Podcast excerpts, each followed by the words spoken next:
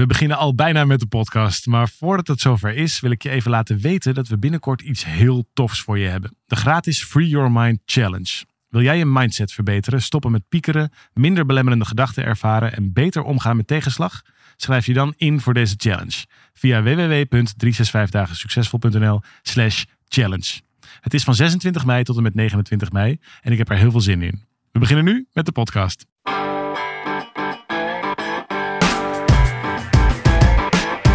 Van harte welkom bij deze podcast van 365 Dagen Succesvol. Wij zijn David en Arjan en we delen in deze podcast de eye-openers die cruciaal zijn voor een gelukkiger leven. Oeh, leuk. Ik zit de vraag alvast een beetje te lezen. We hebben een vraag gekregen, David, van, ehm, van Geert. En dat gaat over ehm, iemand die graag beter wil leren luisteren. Dat is mooi, hè? Mhm. Wel interessant. Daar gaan we, ga, ga, ik je zo meteen, eh, ga ik je zo meteen alles over vertellen. Kijken of we daar iets in eh, iets, Oké. iets kunnen betekenen voor Geert. En voor meer mensen die dat misschien willen. Eh, maar eerst, hè, je weet het een, be- een beetje, wat, eh, wat mooie reacties die we hebben gekregen. Doortje, die reageert op Instagram over, op de podcast over weinig emotionele steun van je ouders krijgen. Ehm, en Doortje zegt daarover, jullie hebben mij geleerd over intenties in plaats van over verwachtingen.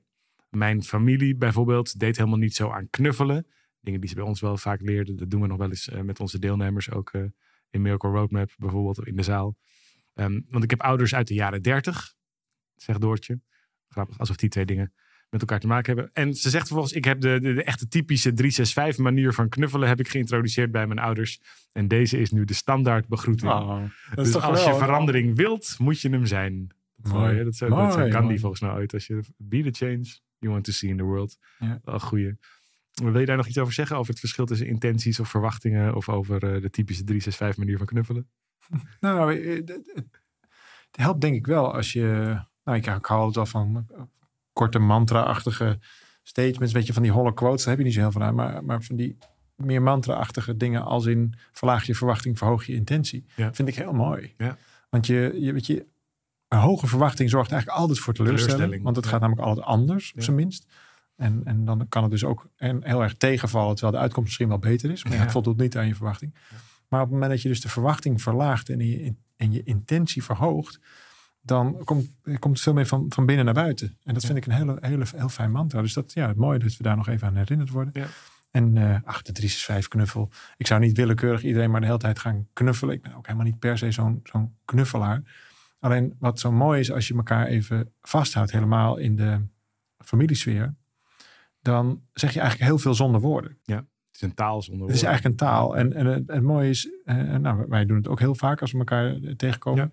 Nou zien we elkaar niet eh, dagelijks, maar als we elkaar zo eh, tegenkomen, dan dat je elkaar even vasthoudt. Nou, hoe lang doen we dit al? Ook al bijna twintig jaar of zo. Ja, ja. Daarmee zeg je eigenlijk zonder woorden, ik, ik, ik, ik heb je rug. I've Ja. got your back. Ja, het is hier veilig. Het is, het is veilig. En En, zelfs als we het ergens oneens over zijn, dan zit dat in ieder geval niet op de relatie. nee, dus het bevestigt de relatie. En, en op het moment dat je ook even een tijdje geen zin zou hebben, dat is bij ons volgens mij nog nooit voorgekomen, maar zo van, oeh, ik, maar ik moet je maar even niet. Ja. maar even niet aanraken of zo. Dan heb je ook meteen eh, helder van oké, dan moeten we dan eerst even nou, ja, de lucht klaren of dan moeten we iets, iets schoongemaakt Ja, worden. ik, denk, ik kan me nog wel herinneren dat we het er ooit een keer over hadden. En iemand die zei, van, ja, ik moet er niet aan denken dat ik mijn collega's moet knuffelen. Maar dat zegt dus heel veel. Denk je, "En waar- waarom zou je daar dan wel elke dag acht uur tussen gaan zitten? Juist. Als je je zo niet thuis voelt, zo niet verbonden voelt met die mensen. Tenzij je weinig- natuurlijk niks hebt met knuffelen, dat is weer wat anders. Maar als je wel wel zoiets hebt van oké, wacht, ik, ik hou wel van, van deze vorm van taal. Eh, maar dat moet ik niet aan denken om dat op mijn werk te doen. Precies. Maar het is ook niet zo dat wij elke vijf minuten hier de hele tijd iedereen maar eens knuffelen. Daar gaat het helemaal niet over. Ja. Toch? Oh, tijd voor een knuffeltje. nee, het, het, het, is een, een, het is een groet. Maar Ja. het, is, het, het is echt meer dan nee, goedemorgen. En dat, eh, dat krijgt betekenis als je hem, eh, ook hier weer, als je hem met intentie doet. Ja. als de verwachting is dat iedereen elkaar de hele tijd maar knuffelt, dan heb je er weer niks aan. Nee, Maar als, als de, Ja, precies, maar als de intentie is, nou, ik, ik ben hier en, en ja, ik, I got your back, I've got your back. Dat is wel echt, echt een mooie taal. Ik hou er erg van. En alleen als je het allebei wilt, uiteraard. Dat is ook wel mooi dat dat hier ook zo staat. Van, nou, ik heb dat geïntroduceerd en dit is nu de standaard begroeting. Dus blijkbaar zijn de ouders van Doortje daar ook eh, zelf Weet je wat zo een leuke grap is? Want dat weten denk ik veel luisteraars niet. De, de 365 huk is de, de huk aan de andere kant. Ja, Ja, dus de meeste mensen huggen over links. Omdat je vroeger, toen we nog gedag zoenden met drie elkaar. kussen op de drie, wang. kus- drie kussen op de wangen. Dat ging links, rechts, links. En, en dan eh, automatisch huk je dan ook links. Maar wij noemen dat de hard apart. Hè, Mijn hart zit links, je hart zit ook links. En als je dan met een borst tegen elkaar aanstaat even, dan eh, raken elkaar, oh, de harten elkaar niet. Nou, dat hebben we ooit eens lang geleden. Jij hebt dat ooit eens een keer ergens geïntroduceerd. En toen kwamen we eigenlijk uit het publiek kwam het verzoek, kunnen we dat nog eens doen? Zo is het eigenlijk begonnen. Ja. We hadden dat helemaal nooit de intentie om dat tot een soort 365 ding te maken. Maar zo is het uiteindelijk ontstaan.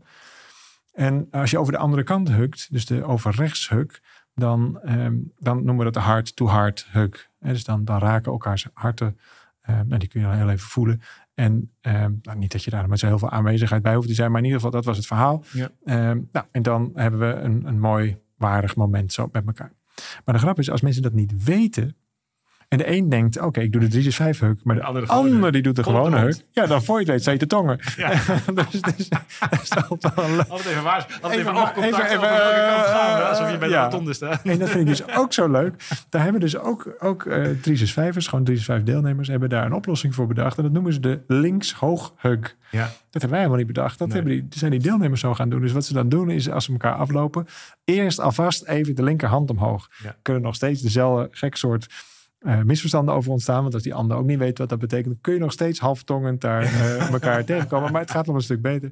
Maar je doet je linkerhand omhoog. De ander doet het dan vervolgens ook. En dan val je automatisch op de goede Ja, en dan ga je dus automatisch over rechts. Nou, voor, voor, als dit helemaal nieuw voor je is, moet je maar eens proberen. Het is, Het is wel leuk, toen ik nog eh, columns schreef voor het Algemeen Dagblad, toen heb ik hier een keer een column aan gewijd. En daar reageerde iemand op die daar een heel ehm, wetenschappelijke onderbouwing bij had. Welke hormonen er ook worden vrijgemaakt op het moment dat je andermans hart ook kunt voelen. Wat tijdens die knuffel, zoals wij Mhm. dat dan doen, iets meer aan de hand is. Ehm, eh, een, speciale Angels cocktail van eh, endorfine, dopamine en, eh, en, en van die verbindingshormonen. Hoe heet het? ook serotonine, Ja, en er is er nog eentje. Waar het in dopamine. maar in totaal, nee, maakt niet uit. En die, ehm, de- dat is aantoonbaar in de hersenen ook een eh, steviger gevoel van veiligheid, eh, meer verbinding ontstaat. Ja. Dus het is best ook wel, ik kan me ook voorstellen in een relatie bijvoorbeeld, dat je, dat, dat, dat je elkaar gewoon af en toe even vasthoudt een tijdje. En ook over Ja. die manier hoeft helemaal niet per se in een moeilijk gesprek, of je hoeft ook niet, het hoeft ook niet meteen seks te worden, maar gewoon elkaar even een tijdje vast te houden. eh, de- op zo'n manier dat je elkaar echt even elkaars hartslag kunt voelen. Nou, ik, ik geef het zelfs soms als straf aan de kinderen. Oh ja, Ja. je bent het meteen lekker aan het vergiftigen daardoor. Nee, nee, helemaal niet. Maar dan, nee, dan, dan zijn ze, met, ze slaan elkaar af en toe nog wel eens de hersens Ja, in. dan En moet je dan elkaar een minuutje vasthouden. moet je- Ga maar even, hug it out. Ja. En dan vinden ze eerst een beetje, zo, eh, een beetje naar. En dan, nou, oké, maar dan binnen een minuut is het eigenlijk weer prima. En dan, dan, dan kalmeert het ook enorm. En dan, zit- dan staan ze alweer een beetje te klieren. Ze gaan er altijd lachend uit, hè? Ze gaan er altijd lachend uit. dat heb ik ook wel gewoon- En dus in plaats van een tijdstraf van ga maar op je kamer, wat ik eigenlijk nooit doe. Eh, maar wel, ja, je hebt toch een beetje de veiligheid zo eh, te waarborgen. Dan, eh, nou, hug it out. Ja. En zeg sorry en hug it out. En dat, en dat doen ze. En ze. weten nu inmiddels, omdat het ook een beetje de standaard is geworden. Als dat zo voorkomt, gebeurt niet zo heel vaak. Maar als dat gebeurt, dat dat dan, dat, dat dan de punishment is. Maar dat is eigenlijk ook wel weer grappig. Dus dat, dat, dat, het, het betekent echt meer dan eh, ehm, een soort zweverige flauwekul. Er zit Ja. heel veel taal in. Cool. Dus kunnen we die, die, die podcast, is die, of die podcast, dat, ehm, die column over Huggen, is dat nog ergens na te lezen? een goede. Weet Weet ik eigenlijk niet. Nee, weet ik ook Nou, we gaan het aan Leonie vragen. Misschien als er een link bestaat ergens naar Dan Algemeen Dagblad en dat ding, Ja. dan kan die in de show notes. Dat zou, zou leuk Graag. zijn als die na te lezen is. Ehm, via YouTube hebben we een mooie reactie van iemand die noemt zichzelf user. Dus dat is denk ik gewoon een ander. Dat zou toch mooi. Kom je bij de gemeente en dan, eh, ja, kom een kind aangeven. We noemen hem user. User. Eh, of heel veel van die nummertjes, toch? Dat heb je tegenwoordig toch op, op eh, Twitter of zo. Dat je zo'n naam met heel veel nummertjes Ja, erachter. Ja, dit is, dit is user 182930. Ehm, over onze podcast over het verliezen van een dierbare. En deze user die zegt, mooi, mijn, mooi verteld. Mijn man is op 1 december overleden na 54 jaar getrouwd te zijn Mm. geweest. Jeetje. Nu ben ik alleen. Dat doet heel veel pijn. En ik dank jullie voor het ontzettend mooie gesprek. Nou, dat is toch prachtig. 54 jaar getrouwd. Ik kan me er bijna geen voorstelling van maken. Nou, je bent ook al bijna 20 jaar met mij. Ik, ik zit al op 53 jaar, denk ik. Nee, het is echt. eh, het is, ik heb er wel bewondering voor. Als je zo lang het zo. eh, je- dat je, oh, dan weet je, na een tijdje moet je weer bijna ontdekken wie je zelf ook weer bent in dat hele stuk. Ik kan me dat ook voorstellen dat dat ook een van de. Uiteraard. Nou goed, voor een andere keer. En een, eh, een reactie van Ruben, die is het totaal niet met ons eens. Lekker is dat. Ging over onze het- dit was een podcast die ging over dat je iets moest loslaten. Maar we waren de eerste paar minuten van die podcast eh, in gesprek over de politiek. Die neiging hebben we soms. Zeg ik verder niks over, Nee. maar jij wil dat heel graag. Ja. Ehm, en Ruben, die vond ons advies dat je in ieder geval moest gaan stemmen, vond hij maar totale onzin. Helemaal niet mee eens. Want Ruben die zegt, stemmen? Nee hoor, dat heeft totaal geen zin. We denken in een democratie te leven, maar dat is al lang niet meer zo. Er spelen hogere machten achter de schermen die volledige macht hebben over wat er in de politiek en in de wereld gebeurt. De politiek is maar een stukje amusement. Beter gezegd, afleiding. Stemverkiezingen zijn maar een spelletje, zegt Ruben. Wat denk jij? Ja, daar denk, denk ik precies zo over. dat is, uh, ja, nee, absoluut. Flauwekul politiek. Ja, nee, daar denk ik, daar denk ik niet zo over. Um, en misschien zelfs wel als dat al zo zou zijn, wat dan erg moeilijk te bewijzen lijkt, maar als dat dan zo zou zijn, dan zou ik er nog niet zo over willen denken, denk ik. Omdat je zo'n enorme soort, soort voor mij in ieder geval uh, uh, maak je iets waar waarvan je volgens mij vrij slecht kan weten of dat zo is. En dat ook nog eens als een grote tegenkracht maakt. Dus dan, dan vraag je wel heel veel van jezelf om daar dan je tegen te wapenen. Of dat, dan zou er een soort verzet mogelijk moeten zijn. Terwijl dat natuurlijk dan niet kan. En dat maakt eigenlijk meteen slachtoffer van je. Dus de, maar sterker nog, je, je veroorzaakt het bijna. Dus door niet meer te stemmen, dan veroorzaak je dat er dus afstand komt tussen de politiek en de burger. Zou je Weet je wat er gebeurt als je niet stemt met je stem trouwens? Ja, die wordt verspreid over de rest, toch? En dus stem je op de, op de grootste partij. Ja. Indirect. Ja. Dus je stemt wel degelijk. Ja. En dat is echt het alle. Als je nou één goed argument wil om dan. Kijk, stem dan blanco. Dat kan. Ja. Dan telt hij namelijk wel mee, maar gaat hij niet naar de grootste partij. Het is niet zo dat hij één op één naar de grootste partij gaat, maar die wordt verdeeld, Verdeeld over de rest de- van de zetels. precies. Uh, en daar krijg je dus reststemmen. En voor je het weet, kan er dus ook net ervoor zorgen dat de grootste partij ook echt de grootste Ja. partij wordt. Dus de niet-stemmers stemmen ook. Ja. En dat, eh, ja, daar kun je ook van alles van vinden. Uh, maar dat is helemaal zo geregeld, als ik me niet vergis. En, uh, en, en, dus is het ook zelfs, um, nou ja, ik, ik zou er niet te hard over willen oordelen, maar het klinkt niet heel intelligent op deze manier. Mag ik dat zo voorzichtig Je zeggen? mag van mij alles zeggen, ja, tuurlijk. Ruben is het toch ook niet met ons eens? Dat is toch prima? Nou, omdat, nou, maar als je, kijk, ik, als je je echt afzet te- tegen de democratie, terwijl dat wel het leidende principe is. eh, en er vervolgens, blijk- blijkbaar weet deze briefschrijver dat niet, dat, dat, ehm, dat je dan alsnog stemt. Ja. Ja, snap je, je zit er nou eenmaal in. Dus je, je- wat volgens mij niet beetje- helpt, is, Nee. is ontkennen. En er is nog wel iets anders met, het, met de democratie. Maar mag ik hier even over uitweiden? Heel even. Heel even. Ja, want we hebben zo'n ontzettend interessante vraag van Ja, daarom. gehad, En maar- dit, maar- dit mij altijd net iets langer. Het basisprincipe van de democratie is, volgens mij ook, Churchill zei toch al, het is de, de, de, de slechtste, maar er is alleen, er is De slechtste van, van alle bestuursvormen, alleen, eh, Alleen er is nog geen beter. De minst, de minst slechte. slechte, Ja, minst- ja. minst slechte Natuurlijk is er heel veel op aan te merken. Er is Ja. alleen niet zo weinig beters. Eh, wat is het basisprincipe van de democratie? Niet dat jij gelijk krijgt als stemmer, maar dat het principe is: we doen eh, de, de, nou zo, zo goed mogelijk de wil van de meerderheid. En dan leven we in Nederland ook nog eens in een, in, vind ik, een heel mooi eh, democratisch systeem, namelijk dat we eh, compromissen moeten sluiten. Ja. Dat het dus niet allemaal naar één partij gaat. Ja, ik denk zelfs dat het niet eens gaat over dat we zo goed mogelijk doen wat de meerderheid wil, want, maar dat we vooral de belangen van de, minder, de minderheid beschermen. Dus dat, volgens mij gaat democratie daar nog meer over. Maar wat is aan de hand? We zijn, we zijn met elkaar aan het stemmen. Ja. Dan komt daar een eh, partij uit. Of ding, nou, dat doen ze allemaal het, het hunne mee. Daar kun je van, vervolgens van alles, alles van vinden. Maar wat je vervolgens niet meer moet doen, is dan daar tegen zijn. Dat is eigenlijk heel raar. Want ja, Ja. je hebt jouw stem bij, bijgedaan. Of nou, jij dan niet, maar eh, of eigenlijk indirect wel. Ja, Je hebt op de grootste partij gestemd. Ja. Dat wil niet zeggen dat dat per definitie meteen het meest intelligente of het ding is. Dat is waarschijnlijk ook een, een, eh, de partij waar je misschien zelfs wel het minste mee hebt als eh, de briefschrijver. Want ja, dat was dan al helemaal de, de poppenkast van de macht. Ja. Nou, daar heb je dan eigenlijk stiekem op gestemd. Dus dat is onha- dan onhandig. Maar goed, als je er bewust op hebt gestemd of niet op hebt gestemd en daar dan vervolgens heel erg tegen blijven, dan doe je nog steeds niet aan democratie. Nee. Dus dan, dan wil je eigenlijk naar een totalitair iets en ga je dus bevechten, word je de rebel binnen zo'n democratie. Ja. En dan, ja, dat is denk ik niet handig, want dan is er dus altijd strijd. Ja, alles waar je je afzet kun je je niet tegen verbinden. Dus Kun als je je, niet mee verbinden. daar kun je niet mee verbinden. Dus als je democratie wil, wil eh, kijk, je, kun- daar kun je tegen zijn. Dan zou ik zeggen, we zien iets beters. Ik heb het nog niet gezien. Ja. Maar de- eh, als wij dit met elkaar zo doen, dan gaat het dus nooit zoals je wil. Nee. En dat is dus het mooie van democratie. Ja. Dus ik ben ook, ik heb, nou, dat weten de meeste luisteraars wel, als je meerdere podcasts hebt geluisterd, nogal een Oh politieke Gaat voorkeur. Ja. Ik, heb een, een, eh, ik ben ook heel actief lid van een eh, politieke partij. Dat, dat schuif ik niet onder stoelen of banken. Ik vind daar ook van alles van. En tegelijkertijd ehm, vind ik ook een de democratische principes nog belangrijker. Ja. Anders word je, een- word, je, word je een soort, hoe, noem je het? Eh, Een fascist? Is dat een bijna een Ja. fascist? Ja. Dan krijg je een soort fascistisch-achtige eh, structuur. En ik denk dat we dat niet moeten willen met elkaar. Uiteraard. Want dat gaat nou over het onderdrukken van die minderheid. Precies. En ik denk, kijk, wat, ik- nou, kijk, Ruben heeft natuurlijk in mijn ogen voor een deel gelijk dat er veel meer beïnvloeders zijn van onze democratie dan alleen maar de paar mensen in de Tweede Kamer of in de regering. Want ja, er zijn natuurlijk belangengroepen, er zijn lobbyisten, er, zijn, er loopt van alles en nog wat door elkaar.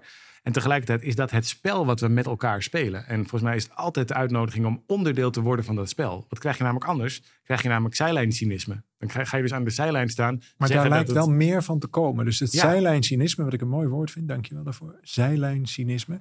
Die hebben namelijk altijd gelijk, maar het verandert. Sterker nog, het maakt het zelfs erger. Het maakt Dus het erger. Geen verandert wel iets. verantwoordelijkheid en het Geen het verantwoordelijkheid en wel veel tegen. En dan, dan is er een soort, soort imaginaire tegenkracht. Want ik zou werkelijk niet weten hoe je dat. ehm, eh, nou, hoe dat dan zit. Hè? Ja. Dus daar, daar kun je natuurlijk allerlei verhalen over verzinnen. Maar daar moet ik de bewijzen dan nog echt even van, eh, van zien. Volgens mij werkt dat niet zo. Nou. Want volgens mij gaan we nog steeds, in ieder geval dat is waar ik op vertrouw, maar we gaan naar de stembus. Daar komen eh, ehm, uitslagen over. En ja, dat is dan maar de, de, de van dit, van dit land. Ja. Daar vind ik van alles van. Tuurlijk. En daar heb ik Tuurlijk. ook wel ideeën over hoe we dat anders zouden kunnen En die organiseren. democratie is ook niet perfect. Nee, Nee, alles behalve enzovoort. En toch zou ik zeggen, goh, kijk nog even rond. Want dit kan op heel veel plekken nog wel heel veel slechter. Dus Precies. ik, Kijk alleen in de wereld om je heen. dat bedoel ik, kijk Ja, even ja, hoe de rest van de wereld dat organiseert. En hoe weinig echte, nog, nog enigszins florerende democratieën er zijn. In verhouding zijn, dat, is dat ook in de minderheid. laten we er zuinig op zijn. Dus wees er zuinig op. Ja, wordt er onderdeel van. En dat, dat zijlijn cynisme, dat is wel een goed punt hoor, wat je daar maakt. Van, dat, dat maakt denk ik de situatie erger en de democratie ook zwakker. Dus het ontkennen van de democratie eh, is, is volgens mij niet, ehm, niet helpend in, eh, in deze. En zelfs als het systemisch gezien nog zo waar zou zijn, helpt het jou denk ik niet. Nee. Want wat, wat, welke emotie zou je dan bij jezelf waarnemen? Je voedt wantrouwen, je voedt afstand, je voedt eigenlijk eenzaamheid. er is een heel grote, grote, buis, eh, Ja. grote buitenwereld. ja, boze en buitenwereld. Een boze, grote boze buitenwereld. En als de grote boze buitenwereld eh, macht zou hebben, dan heb jij die duidelijk niet. Nee, die heeft een ander belang dan jij. Dus er wordt je iets aangedaan. Daar wordt je iets aangedaan. En dat is een vorm om, eh, en dat klinkt heel hard als ik het zo zeg. Ik zeg het met de beste bedoelingen. Maar het is een vorm om geen verantwoordelijkheid te hoeven nemen. Ja. Je, want je, eigenlijk zeg je, ja, de grote boze buitenwereld is, ehm, ja, dat zijn, eh, dat is de elite, om maar even een woord te noemen. Of dat zijn bepaalde machthebbers, die bepalen het. Ja. En wij zijn eigenlijk maar gewoon slaven in het, in het grote, het klootjesvolk, in het grote spel. Wat word jij dan? Dan word je dus automatisch dat klootjesvolk. Ik ervaar mezelf helemaal niet als klootjesvolk. Nee. Ik ervaar bijzonder veel vrijheden. Ja. Ik, eh, ik Ik vind jou ook geen klootjesvolk. Nee, ik vind jou. Nou, nee, bij jou valt het ook wel mee. Het gaat de goede kant op. Je bent dan van de politieke kleur, ben je naar een heel wat Nou, overtuiging van mij ben je om. Nog steeds van twee partijen tegelijk lid. Goed, Dus, nee, eh, oké. Niet te vroeg jagen jij. Goed, goed, goed, goed. Maar we komen al langzamerhand bij. bij nee, anyway, je ziet hier is die discussie ook levendig. Maar het, het, het niet spelen van het spel is misschien nog wel meer spelen Ja, van het spel. En daarmee schep je namelijk ook, want alles waar je tegen bent, daarmee schep je dat wat je, waar je tegen bent. Schep je dus ook de tegenkracht. En daarmee wordt vooral je eigen leven niet leuker. Dus ik kan iedereen aanraden die het gevoel heeft van er is een soort grote. weet je, het is een beetje, een het is een beetje, Ja. kinderbijbel-theologie is dit. Ja. En in de kinderbijbel werd toch ook, en daar is dan een man op een, met een, eh, op een wolk met een baard. en die, heeft, trekt. ja, die trekt dan alle touwtjes. En dan, dan is er, zijn er tien geboden. En dan moet je dan aan houden. Is niet doet, kom je niet in hem. Het is de versimpeling van de wereld. Want de wereld is hypercomplex. Zo complex dat niemand meer precies weet hoe dat werkt. En vervolgens ga jij dan doen, oké, maar er zijn maar een paar mensen die aan die touwtjes trekken. Nou, dan heb je eigenlijk weer de kinderbijbel. Ja, dat is het ook echt. Dat is waarschijnlijk wel een, een, een man met een baard. Waarschijnlijk, ja, en lang haar. Ja, dat is altijd Blond? sowieso. Blauw? Ja, blond. Ja, ogen. We gaan naar de vraag. Eh, Oh, dit de- was nog geen vraag, sorry. Ik was een beetje aan het eh, dankjewel Ruben voor je, voor je... We hebben een vraag van Geert. En die, eh, die zegt, ik wil jullie eerst een bedankje sturen en een vraag stellen. Allereerst, jullie podcast over verliefd worden op een ander terwijl je in een relatie zit, heeft mijn relatie gered. Mijn partner is verliefd geworden en ik zat in de illusie dat ze 100% zeker bij me weg zou gaan. En deze podcast van ons, die heeft begrip gecreëerd en woorden gegeven om dingen te beschrijven die we elkaar al probeerden te vertellen. Mooi. Bedankt. Mooi, mooi. Ja, dat is fijn. Dat is echt. Het is eigenlijk ook hetzelfde als met de democratie van net. Dus duik erin. Word, word er onderdeel van. In plaats Ik heb van het wel eens eerder gezegd. Huk de cactus. Ja, de dra- knuffel de cactus. draai echt. niet om. En de meeste mensen draaien zich om en lopen weg. Terwijl je moet er vol in. En dat geldt in relaties, in democratie. Boos worden of weglopen of het bevechten is eigenlijk allemaal een vorm van ontkenning. Ja, exact. Oké. En Geert heeft ook een vraag. En hij zegt: Mijn vraag is er één die misschien wel leuk is voor een podcast. Laten we- dat laten we we zo nog eens even zien. Ja, dat bepalen we zelf wel, Geert. Maar ja, dit wordt heel leuk. Geert die zegt, ik ben zelf een analytisch persoon. Ik verwacht dat meer luisteraars dat zullen zijn. En ik merk de laatste tijd vaak dat ik slecht ben in luisteren. Ik ben niet met mijn aandacht erbij of ik luister om een gaatje te vinden voor mijn eigen ideeën en input. Hoe kijken jullie hier tegenaan? Hebben jullie ideeën waar dit vandaan komt en hoe je er vanaf komt? En hoe zitten jullie zelf op de aandachtig luisteren schaal? Ik ga nu heel aandachtig even luisteren. Ja, David, hoe zit jij op de aandachtig luisteren schaal? Nee, wat hebben we hier voor tips voor, voor, eh, voor Geert? Eh, ja, ik vind het echt een wonderschone vraag. Ja. Omdat in het, ehm, het, het, het. Hier zit een heel positieve bijvangst in. Namelijk het idee, het, het klassieke idee is dat we dan eh, even de wat langere stilte laten vallen. En, en even de woorden verwerken die de ander ook zegt. Zodat we alsnog kunnen reageren. Ja. Me- het meeste luisteren is wachten op kunnen reageren. Dus het is het nog steeds actie-reactie. Ja. Maar het mooie is als je nog langer gewoon stil, wordt, of eigenlijk kalm wordt van binnen. Dat is iets anders dan stil. Dus de, dus de afwezigheid van geluid. Maar echt Ja, die innerlijke stilte. Ja, die stilheid, die, die wat meer de vredige staat, die kalmte. En want het, het, het, het is de hele actie-reacties. Dus je woorden gaan soms harder dan je zelf kan denken. En dan heb je het alweer gezegd. En dan, dan gaat die knikker, wat ik dan vaak ook, ook uitleg. Die knikker gaat dan naar boven. Dus die gaat naar de bovenkamer. Dus het wordt rationeler, nog rationeler. Nou, je noemt al, ik ben al een analytisch iemand. Dus ja, die, je, je gaat soort aan op de analyse. En je wil ook graag delen. Ja, want in het woord begrip zit al grip. En grip gaat over controle. Dus eigenlijk zeg je, ik wil dit kunnen beheersen wat er nu op me Ja, afkomt. je beheerst het gesprek. En dat is eigenlijk een verdedigingsreactie. Ja. En op het moment dat je, of het kan ook gewoon enthousiasme zijn, maar vaak is het verdedigingsreactie. Ja. Terwijl op het moment dat de knikker naar beneden mag rollen, dus de knikker van aanwezigheid, die rolt naar beneden, dan kom je in de gevoelswereld en uiteindelijk kom je in de zijnswereld terecht. Ja. En, en dat bedoel ik eigenlijk met het positieve bijeffect. Dan ga je namelijk jezelf horen. En weet je, weet je, al die dingen die je zegt, ja, die had je al had je alles bedacht. Of dan ben je naar jezelf aan het luisteren. Nou, dat is hartstikke leuk misschien, maar daar komt niet zoveel relatie uit voort. Daar leer je weinig nieuws van. Er komt weinig relatie uit voort. Dus eigenlijk doet het een beroep op eenzaamheid. Ja. En op het moment dat die knikker langzaam naar beneden mag rollen, dan ga je een hele diepe verbinding voelen. En dan maakt het dus veel minder uit wat iemand zegt. Maakt het nog veel minder uit wat jij zegt. Maar dan ga je je openstellen. Ik ga er ook langzamer van praten. Ik merk het, ja. Je, dan ga je je openstellen voor, ehm, voor die diepere verbinding ehm, met twee of meer. En dat kan, zijn, het kan zelfs zijn met een boek wat je leest. Of, het- of dit gesprek wat je luistert. Of het, de ver- verbinding die is, die is echt. En elke gedachte die, daar, die je daar overheen legt, dat haalt je eigenlijk weg uit die verbinding. Ik zit, nog, ik zit nu te plekken, ik weet helemaal niet of dat klopt hoor, wat ik nu denk. Maar je krijgt vaak als tip, als je goed wil eh, leren luisteren, om niet zozeer te wachten op de, te kunnen reageren, maar dat je vooral de ander helemaal begrijpt. Ja. Alleen, daar nog dat je dat zou kunnen ja, begrijpen. Ja, en daar, zit, daar zit nog dat stuk van die, die knikker omhoog, in Ja, zekere zin. Terwijl misschien is het nog wel, gaat het eigenlijk nog een stap verder dan dat. Dus het gaat niet zozeer, het gaat niet over reageren. Het gaat ook niet over de ander volledig begrijpen. Maar het gaat over volledig bij de ander zijn. Klopt. Dus met, in zekere zin met de ander één worden eh, in die situatie. Ook als je het niet begrijpt. Want waarschijnlijk begrijpt de ander zichzelf misschien niet eens. Het is in ieder geval veel Die kans is heel groot. Ja. Als jij dat dan wel opeens begrijpt, is er juist verwijdering. In Juist. plaats van nabijheid. Dus je zou ook, als het lukt om voorbij, de, voorbij het begrijpen te gaan naar het verbinden. Is dat, ja, dat klinkt zo. Maar naar het samen in dat moment zijn. Dan, eh, is, er, dat, dat, dan is er automatisch aandacht. Daar heb ik een oefening voor. Ga je om dat te kunnen doen. En dat staat beschreven in het boek van mijn vrouw. eh, over de liefde. Oneindige liefde. het Oneindige boek, liefde, dankjewel. Ja, ik zat in, de, in het Engels te zoeken, dat was onhandig. Eh, oneindige liefde, dankjewel. En dat noemt ze het spiegelgesprek. En dat is eigenlijk een vorm van stilte, terwijl je wel gewoon woorden gebruikt.